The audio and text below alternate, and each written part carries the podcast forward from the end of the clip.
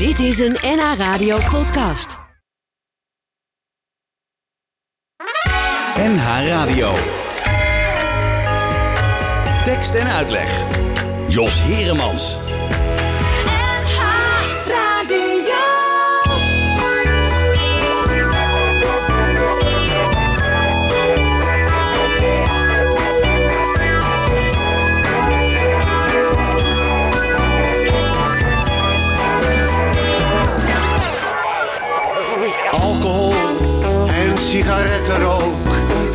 Wilde zomaar met je praten. Zij was eenzaam en dat was jij ook. Had je daar toen maar bij gelaten.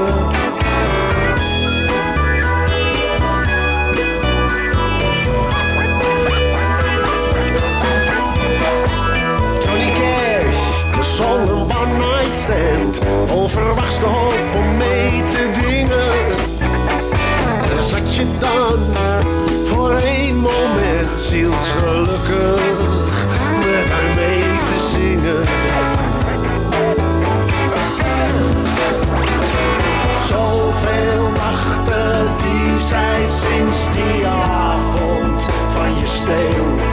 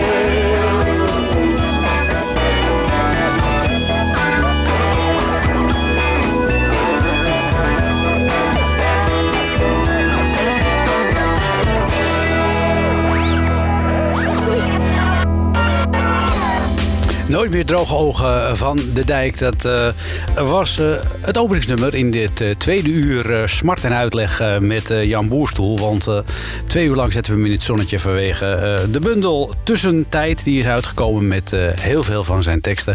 En hij is 50 jaar in het vak en hij is vijf- 75 jaar geworden. Kortom, alle reden om eens eventjes goed op zijn oeuvre terug te blikken. En misschien ook wel vooruit te blikken. Want er komt nog een heleboel, denk ik, Jan. Dat is wel de bedoeling. Ja, toch? Je, Ja, bent, nog, je ja. bent nog steeds schrijvende. Jazeker, ja hoor. Dat Dus, eh, eh, een schrij- minder dan vroeger, maar eh, Ja. nog wel. Ja. Een schrijver ja. gaat nooit met pensioen eigenlijk, hè? Eigenlijk niet. En dat Nee. is ook een van de voordelen. Hè? Dat- Ja, ja, ja, dat is ook wel weer waar. Ja. Heb je nog evenveel ideeën als vroeger en is het eh, lastiger om eh, ze om te zetten in tekst? Of eh, nemen die ideeën ook af omdat je denkt van nou, daar heb ik al eens wat over geschreven? Nou, dat kan wel eh, soms het geval zijn. Hè? Dat je denkt, dat heb ik al wel eens behandeld. Maar eh, nee, ideeën zijn er wel. En ik eh, schrijf in elk geval nog iedere veertien dagen... in het mooie blad Argus. Hè? Daar schrijf ik een tienregelig gedicht... zoals ik jarenlang in het Parool Ja. gedaan heb. En daarna ook nog drie jaar in het Algemeen Dagblad. Hè? Dat, en in het begin van deze eeuw nog drie jaar... In, met lezers van het Parool in de zomer. Hè? Dan schreven we met z'n allen zo'n Ja, zo'n enorm- ja, dat is ja. dat. eh, dus eh, dat, dat, in elk geval schrijf ik nog met een regelmaat. En Ja. ja, theatertekst, eh, het hangt er vanaf wie het vraagt. Er zijn natuurlijk, eh, ja, een aantal van mijn klanten zijn gestopt. En een Of aantal is helaas overleden. Dus, eh, dus en, en ook wel het eh, theater is wat veranderd hoor. Dat, In eh, welke zin? Ja, mijn, soort stukken, ik weet niet, niet iedereen heeft daar evenveel behoefte aan. Hè, Het zijn vaak ook eh, voorstellingen met, nou een beetje, laat ik maar zeggen, freekachtige voorstellingen. Met, eh, met een lange conferentie, lange Ja. verhalen en zo. Dat is En toch minder wat- liedjes. Precies. En, eh, en natuurlijk zoals vroeger Jasperina en zo, die hadden eh, Adele, dat waren... Nou, soms wel 15, eh, 15 liedjes in één programma. Dat, Ja. dat zie je niet zoveel meer. Ja. Hè? Dat, eh, Ja, dat is wel waar. Ja. Ja. Ja. Eh, we gaan het straks hebben over Jasprina en Adele. Ik wil eerst nog even naar eh, wat we net hoorden, de dijk. Ik had jou dus absoluut niet geassocieerd met de dijk. Ja, en de, de grap van dit nummer is... het is een beetje eh, het resultaat van een weddenschap... en niet met de dijk. Eh, Dit was eh, op eh, de compositie is van, Han- van eh, Hans van der Lubbe, hè, de basgitarist. Maar ik heb dit nummer ooit geschreven... eh, ik stond een keer met G. Reinders in eh, Café de Smoeshaan. En G. die is begonnen met het maken van een countryplaat. hè. Oh. Die heette Blood. Die was ook voor gedeelte Engelstalig. Daar staan ook één of twee nummers op met eh, Rita Coolidge eh Oh, zingt oké. mee. En Rita Coolidge is de ex van Chris Christofferson. En Chris Christofferson was altijd, daar was ik een groot fan van. Ik, want die teksten zijn heel leuk. Hè? Dus ik had met G een soort van wetje gemaakt van ik vind dat je best ook op eh, voor een country stuk dat je dat ook best een aardig nummer op kan schrijven. Hè? Want meestal had eh, country heeft dan een beetje eh, de naam van het zijn altijd buitengewoon saaie teksten. Hè? Het is alleen maar ik hou van jou, ik blijf je trouwen en dan heb je het gehad. Dus ik dacht van nou, het kan ook wel ietsje, moe ietsje moeilijker. Hè? Ja. Dus je kan ook wel een beetje inhoudelijk aardige tekst schrijven zonder, met toch wel de bekende onderwerpen, hè? drank en de behoefte aan vaste verkering. Dus ik had het nummer geschreven. G heeft er toen muziek op gemaakt. Maar eigenlijk twee dingen. Ten eerste, hij was niet zo heel gelukkig met die muziek. En ik eerlijk gezegd ook niet. Oké. En hij was ook een beetje de andere kant aan het opgaan. Want hij ging dus heel erg in het Limburgs schrijven. De hè. Dus- blasmuziek, hè? Precies, dat, eh, dat is later gekomen. Maar ik dacht dat hij daarvoor zelfs al een cd had. Eh, Dus dat hele genre, dat beoefende hij niet meer. Dus die tekst die bleef liggen en daar gebeurde niks mee. Tot ik jaren later op een feestje inderdaad Hans van der Lubbe tegenkwam. En die zei van, goh, eh, wil je misschien eens iets voor ons schrijven? Of gewoon in het algemeen. Eh, Heb je nog wel eens wat liggen? Ik zeg, ja, eigenlijk nooit. En ik schrijf ook op een andere manier dan eh, wat jullie meestal hebben. Maar toen dacht ik opeens van, goh, ik heb dat nummer nog liggen. Misschien is dat wel iets voor de dijk. Dus dat heb ik toen aan Hans doorgestuurd. En Hans heeft daar inderdaad heel erg de dijkachtige muziek Ja. op gemaakt. En eh, ja, naar mijn smaak past het nog steeds heel, eh, heel goed in hun repertoire. Ja, Dat, klinkt nog lekker. hoewel ze het weinig meer uitvoeren volgens mij. Maar, eh, Nou, als maar- jij komt kijken, misschien wel. Ja, dat zou kunnen. Het is alweer een tijdje geleden hoor. Het is diverse cd's, want die maken zijn Ja. nog eh, geleden. Maar ik blijf het een lekker stuk Ja, vinden. dus als het eens gedraaid kan worden, wat mij betreft graag. Nou, eh, bij deze hebben we dat gedaan. Eh dan komen we bij waar we net gebleven waren. Jasperina de Jong en Adele Bloemendaal. twee grootheden in ja, de Nederlandse kleinkunstwereld. Je hebt een nummer gemaakt, De Bokken en de Schapen. Ja. Wat beide hebben uitgevoerd. Dat is bijzonder. Ja, dit nummer is overigens zelfs ook nog wel door een aantal andere mensen uitgevoerd hoor. En wordt nog steeds uitgevoerd. Maar in verschillende, met vers- Maar, eh, muziek. In dit geval verschillende muziek. Ja. Het, het was ooit voor Jasperina geschreven voor een programma dat heette Ik dacht thuis best. En eh daar was vond ik, eh, mooie muziek opgemaakt Mhm. door Harry Banning. En nou, een paar jaar later kwam Adele en die wilde dat nummer gaan zingen, maar die wilde altijd haar eigen componist. In toen de tijd was het nog Frans Eelhart, want die wilde dan andere muziek. Hè? Die had een, ook dat hele programma had een heel andere kleur. Dat, eh, Ja. en eh, nou ja, zo is eigenlijk gekomen dat er twee versies bestaan... die allebei nog wel eens eh, gedraaid worden. En waar in beide gevallen mensen nog wel eens van zeggen... dat ze dat ook muzikaal een heel mooi nummer vinden. Dat, ja. En wat vind jij de beste versie? Ja, een gewetensvraag natuurlijk, hè? Ja, dat is moeilijk te zeggen. Ik weet wel, en daar was ik toen heel dankbaar voor... dat Henk van Gelder schreef ooit in de NRC van... in het ene geval is het een, eh, je zou kunnen zeggen, een chanson...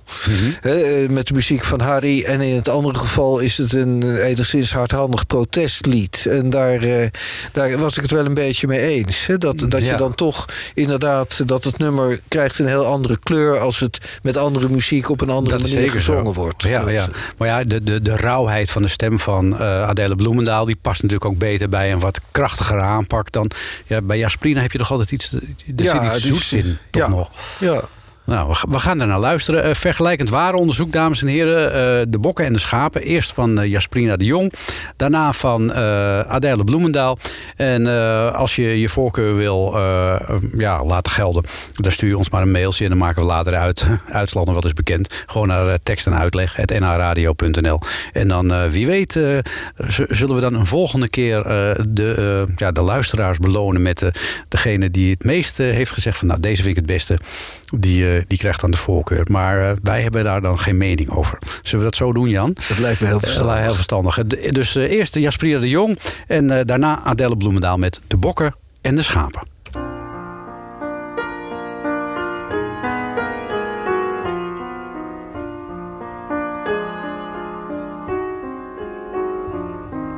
Het is al lang weer afgelopen met de Praagse lente. En God bewaar me voor Chileense tegenargumenten. De knoet kan rood of zwart zijn, maar de knoet wil altijd slaan.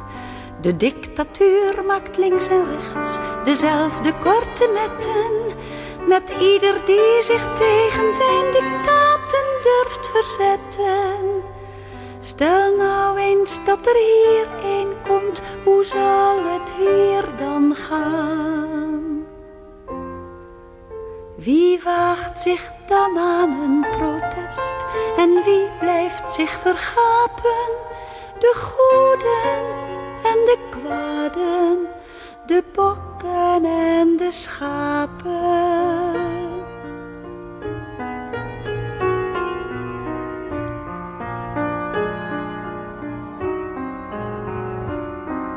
Wanneer zo'n dictatuur hier in dit land ooit huis gaat houden, wie moet ik dan gaan vrezen en wie kan ik nog vertrouwen?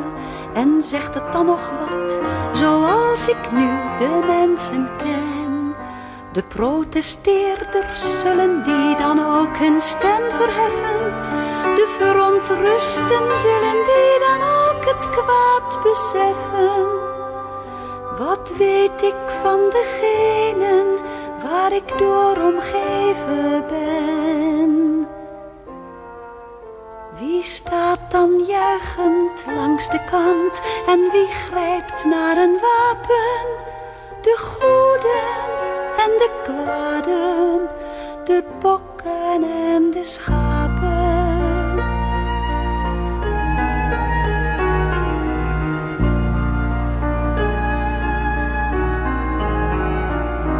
En dan, hoe zal het gaan met wie me lief zijn in die dagen?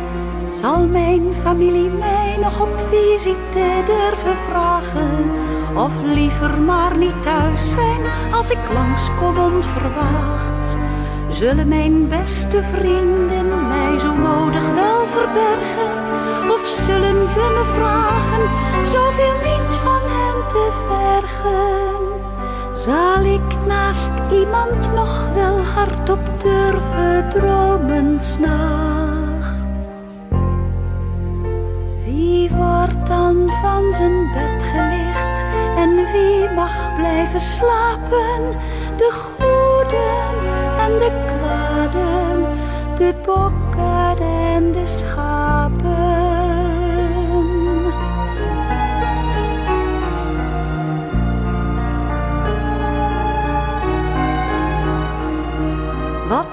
Ik trouwens vanzelf? Ik durf niet eens voorspellen of ik dan zelf bereid zal zijn om het weer te stellen. Als daar gevangenisstraf op staat, vernedering en pijn, zal ik dan kunnen zwijgen als ik iets niet prijs wil geven? Zal ik dan kunnen sterven als ik graag wil blijven leven? Zal ik dan moed voldoende om niet laf te zijn? Wie zullen dan de jagers zijn en wie zijn dan de prooien, de bokken en de schapen, de levende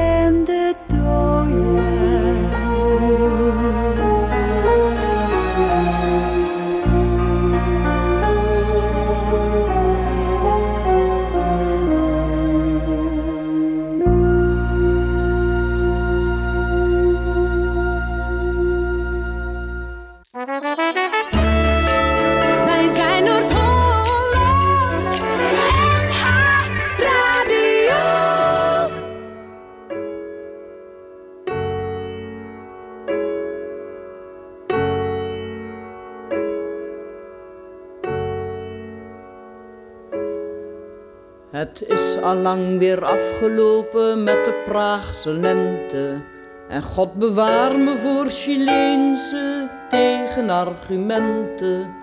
De knoet kan rood of zwart zijn, maar de knoet wil altijd slaan. De dictatuur maakt links en rechts dezelfde korte metten. Met ieder die zich tegen zijn dictaten durft verzetten. Stel nou eens dat er hierin komt, hoe zal het hier dan gaan? Stel nou eens dat er hierin komt, hoe zal het hier dan gaan? Wie waagt zich dan aan een protest? En wie blijft zich vergapen? De goeden en de kwaden, de bokken en de schapen.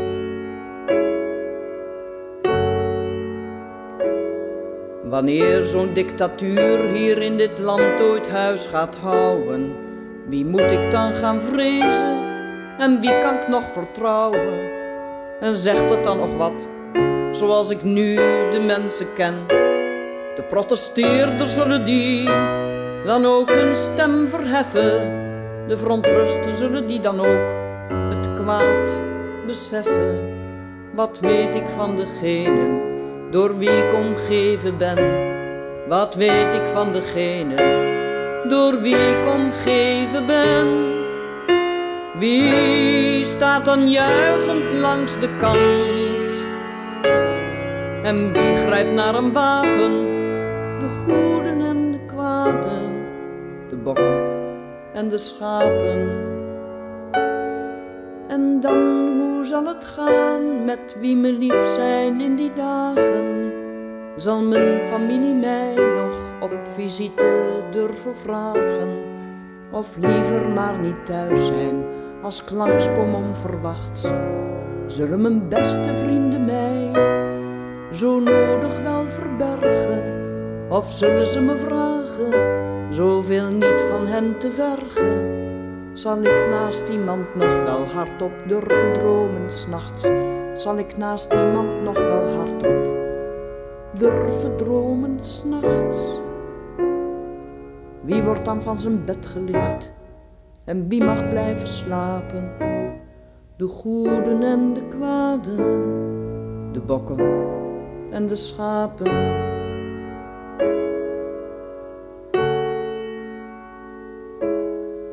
Wat weet ik trouwens van mezelf?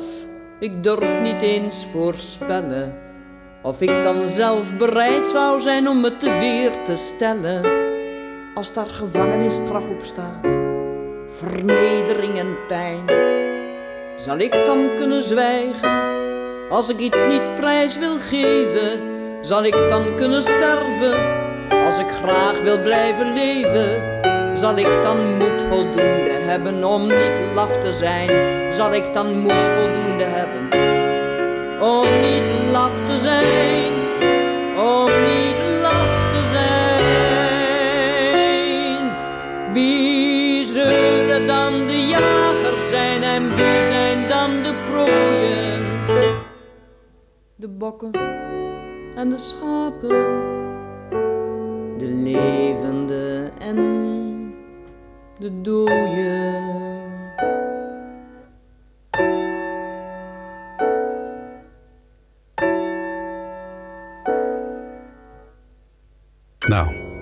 Laat het maar weten welke je de mooiste vond. De bokken en de schapen van Jasperina de Jong... of de bokken en de schapen van uh, Adele Bloemendaal. Stuur maar een mailtje naar uh, tekst en uitleg, het NH Radio. Uh, we praten met Jan Boerstoel. Dat doen we al ruim een uur. Want hij heeft 75 jaar... ja, de leeftijd van 75 jaar bereikt. 50 jaar in het vak en een prachtige bundel uit tussentijd. Ik moet zeggen, Jan, toen ik dit nummer hoorde van, in de, van Adele... Uh, in de tijd voor de eerste keer. Toen zat ik ook een beetje te denken aan uh, Kurt Weill, Bertolt Brecht, die stijl. Ja, dat is ook, ik denk dat, dat in dit geval heel hard daar ook meer tegenaan leunt dan, dan Harry zijn muziekopvatting. He, dat, het eerste, eerste uitvoering was Harry Banning. Dat, nee, dat, dat klopt. Dat, ja, ja, een echt mooi ouderwetse strijdlied, om het zo maar ja, te zeggen. Ja. Zoals we die tegenwoordig niet meer horen. Ja. Uh, je hebt niet alleen geschreven voor uh, Adele Bloemendaal, voor Jasperina de Jong, voor Jenny Arian.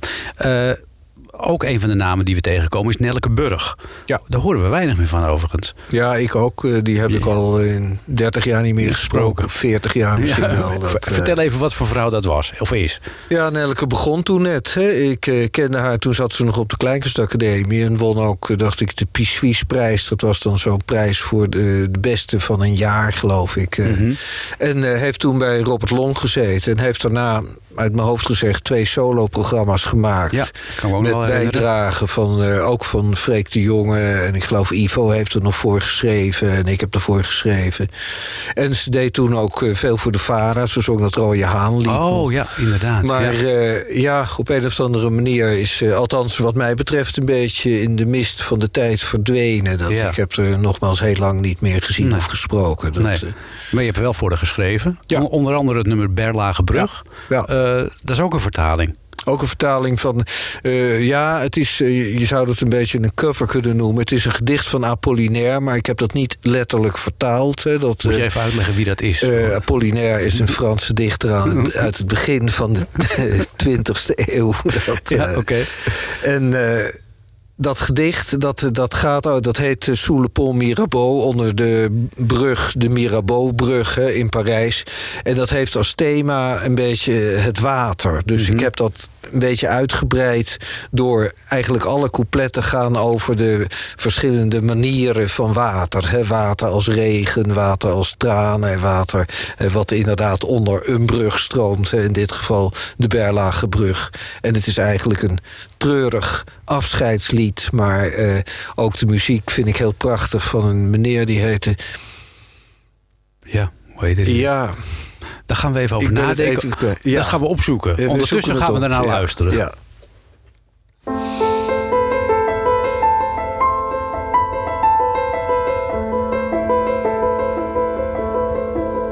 Op de Berlage brug, wij in de regen. De wind wakkert aan, doet het water bewegen. Alles is al gezegd, dus de rest blijft verzwegen. Ochtend al haast, laatste uren, liefde die toch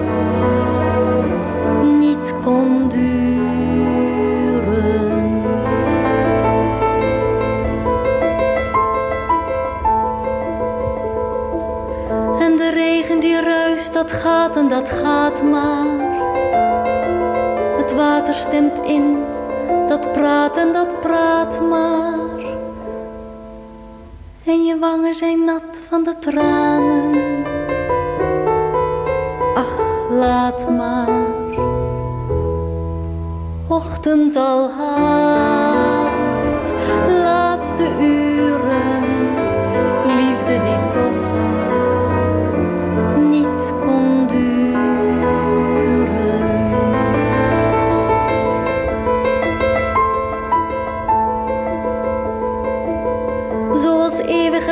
Zich niet laat betomen.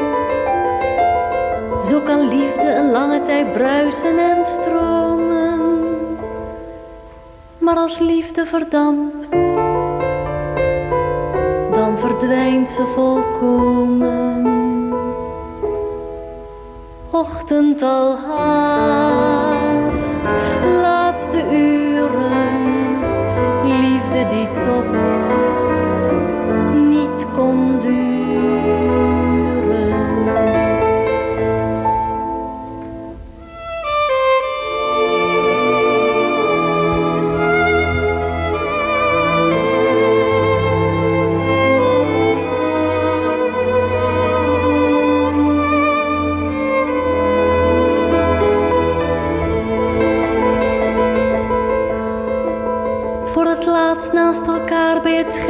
wegen. Onze hoofden voor het laatst naar elkaar toe genegen. Op de Berlage brug, wij in de regen. Ochtend al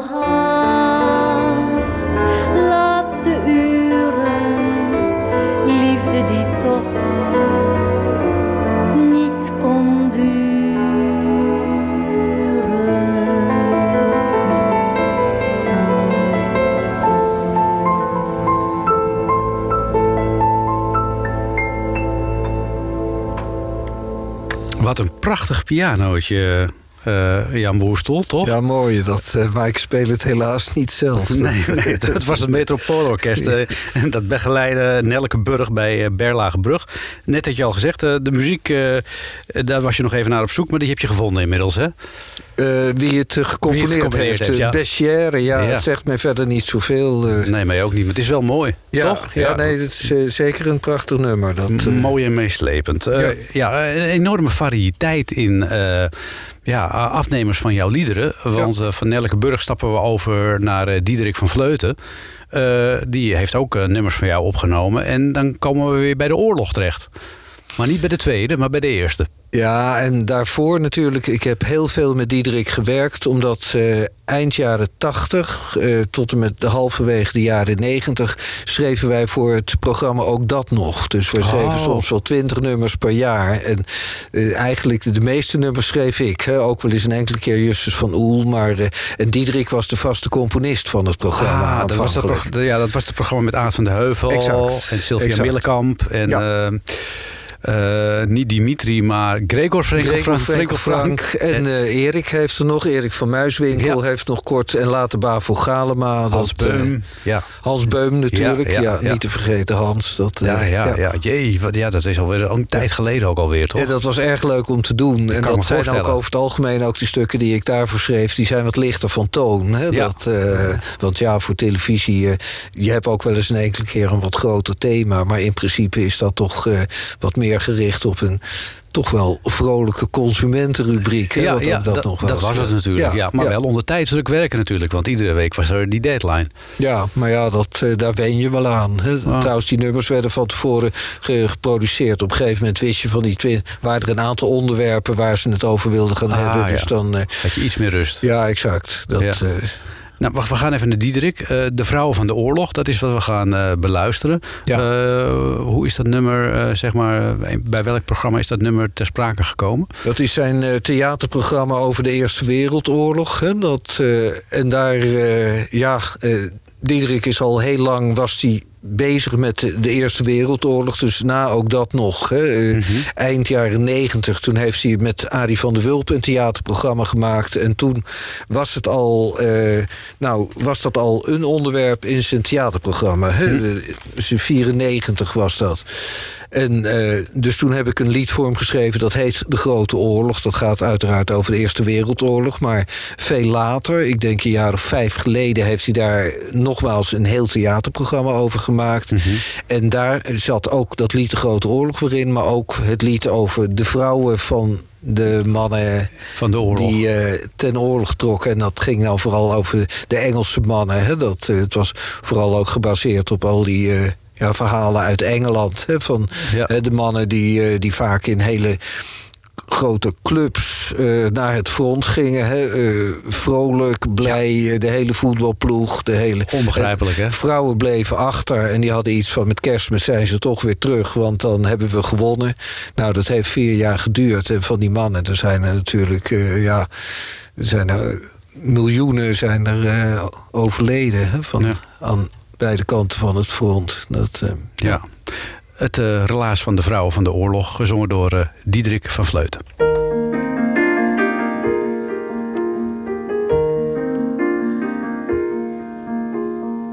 De vrouwen van de jongens van de oorlog, van de montere collega's, van de vrienden uit de kroeg.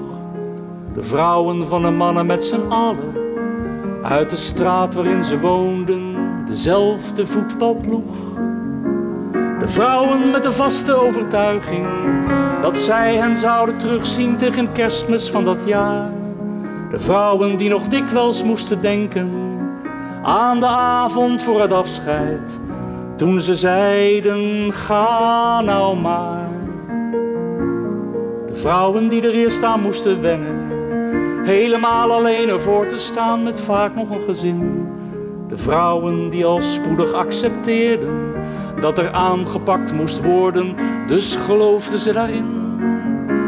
De vrouwen die de wereld wilden tonen dat het vrouwenwerk kon wezen om je mannetje te staan.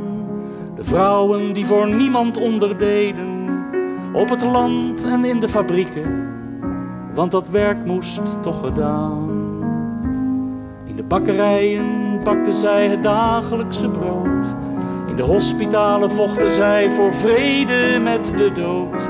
In de brieven die zij schreven hielden zij de moed erin. En voor veel soldaten was hun laatste troost hun penvriendin. De vrouwen die nadien geen lintje kregen, maar dat hadden moeten krijgen voor hun trouw en hun geduld.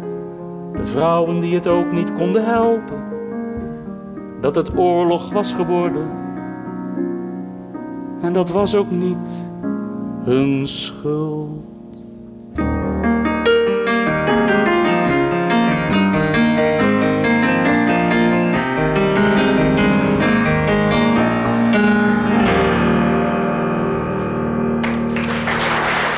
Diederik van Vleuten was dat eh, met eh, de vrouwen van de jongens van de oorlog. Ja, eh, dat is weer een heel ander soort repertoire dan. Ja. Ieder nummer is weer anders bij jou, hè? Je, zit niet in een bepaalde, je bent niet in een bepaalde hoek te dwingen. Nee, dat vind ik ook wel leuk eigenlijk. Dat, en dat hangt inderdaad ook een beetje samen met degene die het gaat uitvoeren. Hè? Dat, eh, dus die, Diederik heeft zeker de laatste jaren heeft hij van die, eh, je zou kunnen zeggen, geschiedenisprogramma's gemaakt. Hè? Dat Ja. het eerste ging over Indië. Daar, eh, er zaten ook eh, een paar stukken van mij in. Dat, eh, maar dat, ja, dat, hij vertelt, hij kan heel goed verhalen vertellen. En daarnaast is hij natuurlijk ook van zijn oorspronkelijke vak ook nog componist en pianist. Dus Ja. dat kan, een hele mooi, kan hele mooie resultaten opleveren. Ja, dat, dat, dat land altijd wel in goede aarde dan als je daar een tekst Ja. voor levert. Ja. Ja. Bij wie het ook altijd in goede aarde landt, is eh, Harry Banning. Ja. En dan gaan we even terug naar even terug. Dan gaan we even naar een heel ander genre. Ja. Kinderen voor kinderen. Ja. Ja, dat moet je even uitleggen. Ja, ik heb eh, een aantal, eh, met Harry vanaf het begin, Kinderen voor Kinderen, ik geloof Kinderen voor Kinderen 2 had hij al een stuk van mij, had hij muziek opgemaakt. En ik dacht ook 3 en 4. En toen voor Kinderen voor Kinderen 5, dat liep een beetje mis. Dat op een of andere manier had het stuk wat wij samen gemaakt hadden, dat, dat kwam uiteindelijk niet op de plaat. En daar waren we een beetje verdrietig over. En toen wilden we eigenlijk niet verder. Maar, eh, dus nou ja, dat, zo gaat het soms. En Kinderen voor Kinderen 6 was dat ook nog het geval. Maar eh, Kinderen voor Kinderen 7 belde Florie Anstad weer. En die zei van, eh, tegen mij van ja, ik wil toch wel graag dat je weer eens wat schrijft. Hè? En eh, Ja. als je nou langskomt, dan mag je meteen als eerste uit de bak met brieven wat zoeken. Hè? Want dat bestaat was ook echt, Op basis ja. van brieven, ja hoor. Dat, Ja. Oh, nee, was toen nog niet zo... Gemanipuleerd als nu. Nee, ja, ik weet niet meer hoe het nu gaat. Want dit is, ik geloof, uit 87 dat dat speelde. Maar goed, dus ik. eh, en ik had daar die brief gezien van een jongen uit Utrecht. eh, wiens vader. eh, nou, aan longkanker overleden was het jaar ervoor. En nou ja, hij vertelde dat ze dan altijd gingen fietsen naar de lek. En ik vond het wel een mooi thema. Er, zat ook nog wel een, er was ook nog wel een achtergedachte bij mij van... kijk, de meeste onderwerpen toen de tijd van Kinderen voor Kinderen... waren hele brede onderwerpen. Hè, Waar al die kinderen last van hadden. Huiswerk, eh, op tijd naar bed, eh, huisdieren, make-up, eh, dat soort. Maar je hebt natuurlijk ook soms een kind... Hè, al die kinderen mochten insturen... maar je hebt ook wel eens een kind dat één programma, één eh, probleem heeft. En die heeft natuurlijk ook best het recht om dat daar ook eens aandacht aan besteed wordt. Hè? Ja. Dus, dus dat zat er ook wel bij. En het hoeven ook niet alleen maar Halk idee-nummers te worden. Dus, eh, dus toen eh, dacht ik van nou, dat vind ik wel een mooi onderwerp. Dus daar heb ik eigenlijk voor mij doen heel snel een stuk op geschreven. En dat had ik af. En eh, ik denk van ja, ik wil toch wel weer muziek van Harry. Dus Ja. ik belde Harry op en zei: Harry, wil je nog schrijven? Nee, zei Harry, ik heb daar niet zoveel zin meer in. Dat, eh, Ik zeg ja, maar ik heb het al af. En Ja. mag ik het je voorlezen? Ja. Nou, prima, lees maar voor. Toen had ik het voorgelezen. Zei Harry, stuur maar op. en meteen, eh, en ja, een paar dagen later kreeg ik ook een bandje in de bus. Want Harry had de neiging, die zong dan zelfs de nummers in. Oh? En stuurde dat als bandje, stuurde die dat op. Als voorbeeld, konden- als het ware. Ja, exact. En dan konden de, de solisten, die konden dan aan het bandje horen hoe het gezongen moest worden. Ah, dat, en eh, dus- was hij daar streng in ook? Van je moet het wel zo volgen?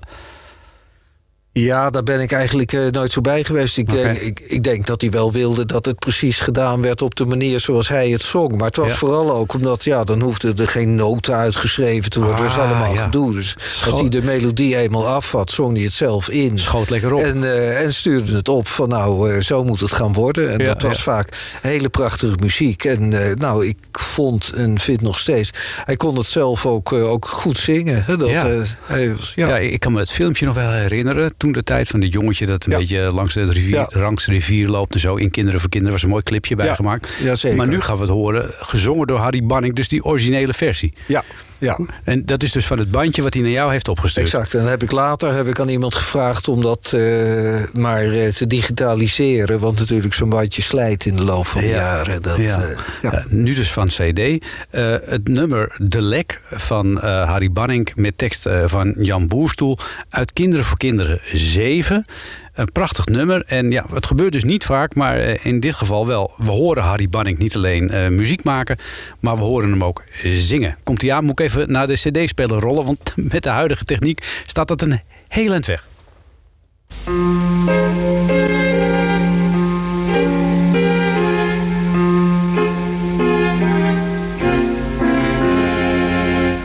Vorig jaar nog, ging ik met mijn vader samen dikwijls fietsen langs de lek. Over hele smalle dijken, waar je altijd uit moest kijken. Want er reden ook wel auto's en die scheurden als een gek. En soms zaten we te rusten op een hek. Zo met achter ons de koeien en voor onze neus de schepen. En we zeiden niks omdat we dan elkaar zo goed begrepen. En mijn vader nam zo af en toe een trek.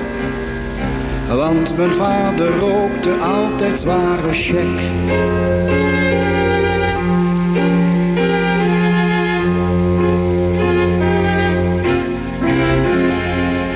Later, vorig jaar nog, is mijn vader ziek geworden. Dat kwam nogal onverwacht. Veertien dagen thuis gebleven, maar hij bleef maar overgeven. Dus toen hebben ze hem toch maar naar het ziekenhuis gebracht. En daar bleek het stukken erger dan hij dacht. Eerst heeft hij nog op een zaaltje met drie anderen gelegen. Maar al gauw heeft hij een kamer voor zichzelf alleen gekregen. En die ziekte kreeg hem steeds meer in zijn macht. Net zolang totdat hij dood ging op een nacht.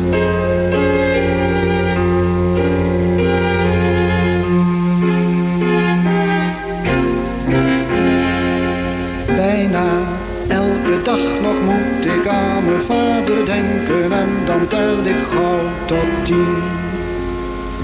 Doe mijn best me in te houden en mijn tranen weg te douwen, want ik vind het kinderachtig als ze me verdrietig zien. Maar vaak merk ik al bij zeven dat ik grien. En mijn moeder die dan ziet hoe ik mijn neus weer zit te snuiten. Zegt probeer het nou eens jongen, ga wat leuks doen, ga naar buiten. Op de fiets een keertje naar de lek misschien. Maar die wil ik van mijn leven niet meer zien.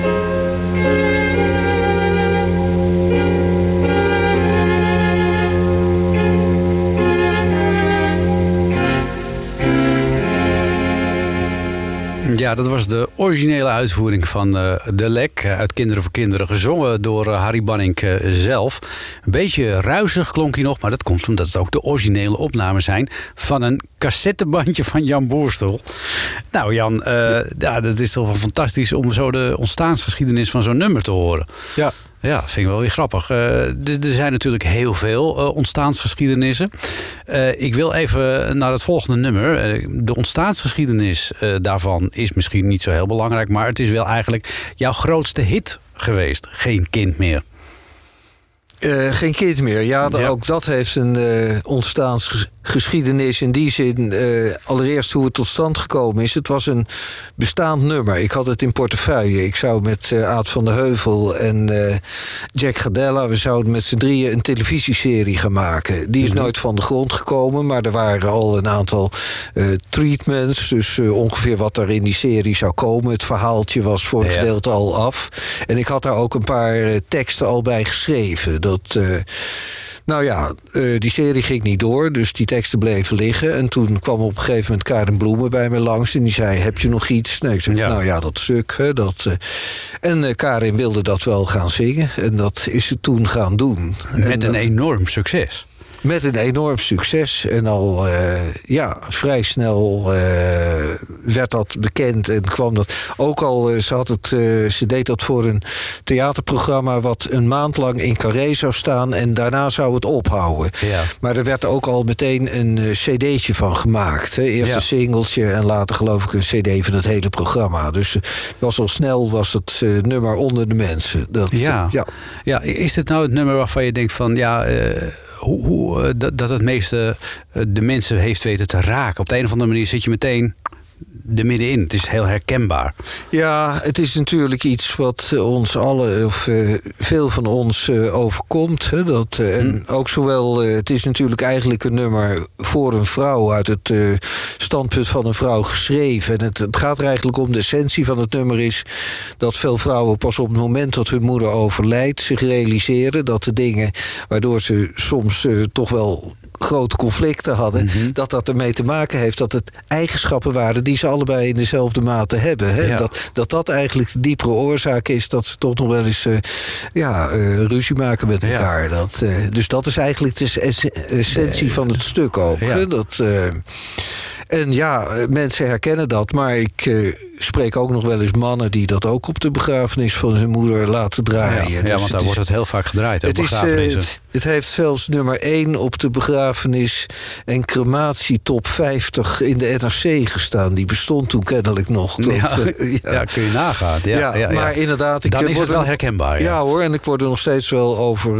aangesproken. En dat geldt voor Karin nog veel meer. Die krijgt er geloof ik nog steeds wel brieven over. Dat, Ja, ja, ja. Nu gaat het verhaal eh, dat Karin iets met de tekst heeft lopen rommelen qua volgorde. Klopt dat? Ja, in de uitvoering van Karin eh, is het eerste en het tweede couplet is, eh, of refrein, eerste en tweede refrein is verwisseld. Hè? Dus eigenlijk zou het stuk moeten eindigen met wat ik daar straks vertelde, hè, dat die vrouw zich op het moment.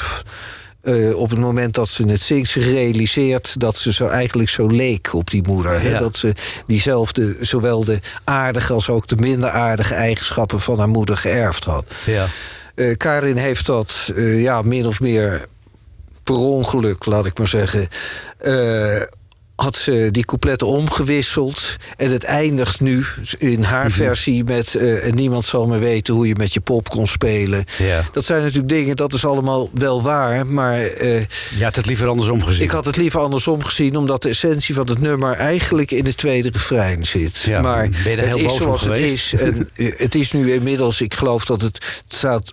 Ik denk wel, ja, misschien wel op tientallen cd's en dingen. Het is later overigens in de tussen aanhalingstekens goede uitvoering. Ook nog door Brigitte Kaandorp gezongen. Het is door Joke Bruis gezongen. Maar ja, de versie van Karin. Het is natuurlijk toch wel Karins nummer ook. En ja, Ja. dat is dan met, eh, laten we zeggen, de verwisselde refreinen. Nou, Nou. ja, het zij zo. En ja, mensen ontlenen er toch eh, desondanks ook troost aan. En dat eh, moet dan maar genoeg zijn. Dat vind ik ook. Hier is Karin Bloemen met Geen Kind Meer.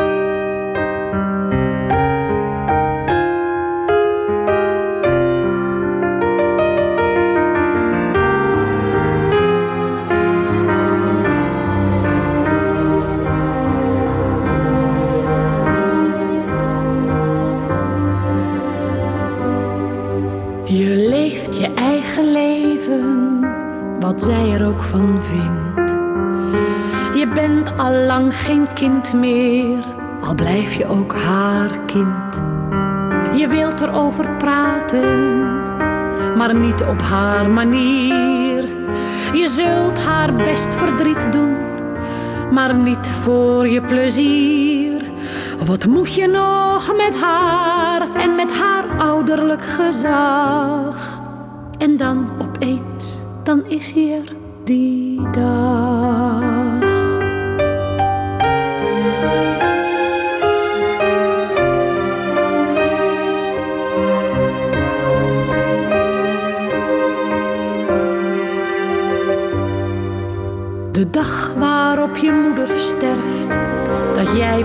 Losgelaten en al haar eigenschappen erft die jij zo in haar haatte. De scherpe tong, de bokkenpruik, de zure schooljuffrouw, die zullen ze dan binnenkort herkennen gaan in jou. En hopelijk ook de andere kant, de aardige, de zachte. Maar of je die hebt meegeërfd, valt nog maar af te wachten. De dag waarna de rest een kwestie wordt van tijd en pijn. De dag waarna je nooit meer kind zult zijn.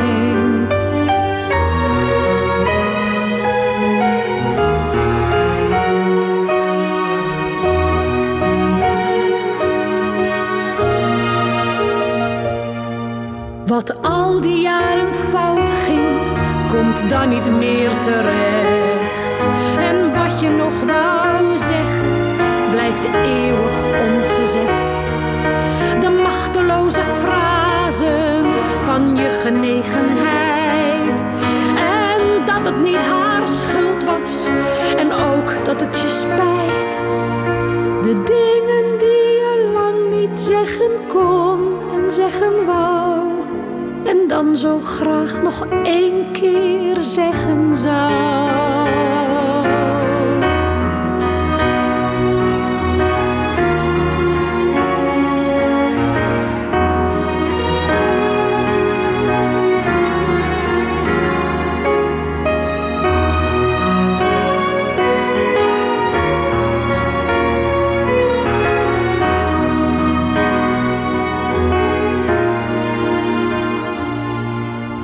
De dag waarop je moeder sterft, de dag die al je dagen van dan af aan wat grijzer verft, al hou je niks te klagen. Je hebt je goede vrienden nog, die staan je ook dichtbij. En als je soms een minnaar zoekt, dan staan ze in de rij. Maar niemand zal meer weten hoe je met je pop kon spelen. Niemand zal nog ooit je vroegste vroeger met je delen. De dag waarna je nooit meer kwetsbaar wezen kunt en klein. De dag waarna je nooit meer kind zult zijn.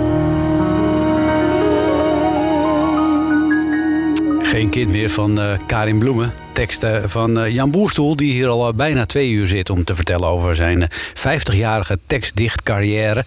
En natuurlijk ook over zijn eh, prachtige eh, nieuwe bundel Tussentijd. Met eh, het grotendeel van jullie teksten die daarin staan. Eh, die door eh, vele mensen op muziek zijn gezegd. Eh, Ja. Wie was dit overigens qua muziek? Dit was Marnix Bustra, heeft er. Ja. de muziek gemaakt. Ja. Eh, dan komen we een beetje bij deze tijd. Want wat doe jij tegenwoordig? Je schrijft nog steeds. Maar voor wie bijvoorbeeld? Nog steeds voor Karin. Dus ieder nieuw programma, dan schrijf ik wel één stuk. En soms neemt ze ook nog wel eens een stuk uit het vorige programma over. En voor de rest, ja, het wisselt een beetje. Soms kom ik mensen tegen en die zeggen dan van... wil je iets voor, voor me schrijven of vertalen? Ik heb natuurlijk ook wel eh, de laatste jaren dingen vertaald. Onder andere heb ik een nummer van eh Piazzolla... Een eh, tango heb ik vertaald. dat heet Chiqueline de Bachin. Dat is een... Het valt niet mee om dat te vertalen. ja, een straatjongetje wat met rozen langs de terrassen loopt. Dat is ook wel een mooi stuk. En een Sterre Konijn, dat is ook een goede zangeres. En ik heb voor Marcella Wisbrun heb ik eh, twintig nummers Zo. van de vader van de bossa nova, Antonio Carlos Jobim, heb ik vertaald. En het aardige daarvan is overigens dat veel mensen kennen die stukken, maar eh, weten ook vaak niet wie de componist is. Dus Ah. het zijn vaak ook wel hele bekende nummers geworden. Maar eh, ja, eh, mensen hebben geen idee. En Jobim uit mijn hoofd gezegd... ik dacht dat hij in 1996 ook al overleden is. Dus Hmm. eh, dat zal er ook mee te maken hebben. Maar het zijn vaak wereldberoemde stukken. Ook al omdat veel Amerikaanse zangers, hè, Sinatra... Eh, hebben veel van dat repertoire gezongen. Hè, weliswaar in het Engels vertaald. Maar eh, ja, niemand realiseert zich dat dat toch ook een componist had... die dat allemaal bedacht heeft uiteindelijk. Ja, zo is dat. Eh, wij gaan luisteren naar een foto van eh, Marcella Wisbrun. Ja. Eh, tot besluit. Eh, ik vond het heel leuk dat je er was. Twee uur lang hier eh, te gast. Eh, we zijn lang niet aan alles toegekomen, Jan. Helaas. Eh, maar ik denk dat het maar weer volgend jaar weer een jaar. Lijkt me heel goed. dan, we- eh, dan draaien we alles wat we vandaag niet hebben kunnen laten horen. Heel goed. Ik eh, wens je een hele eh, leuke jaarwisseling en eh, alle goeds voor 2020. Dankjewel, wederzijds. Eh, En hier is ze dan, Marcella Wisbrum met de foto.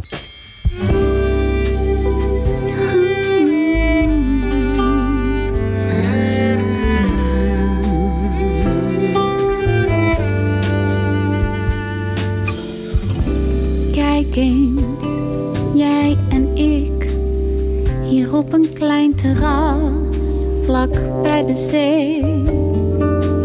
De zon die in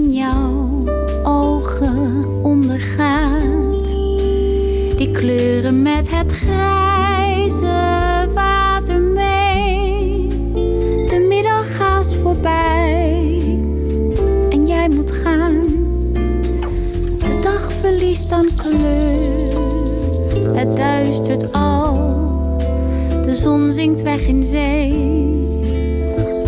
Een ander licht groeit uit de diepte aan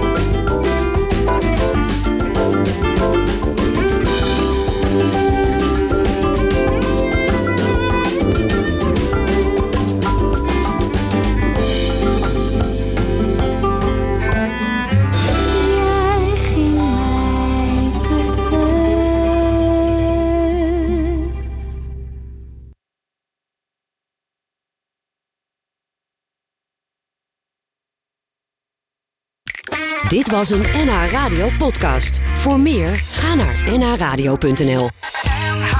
Radio.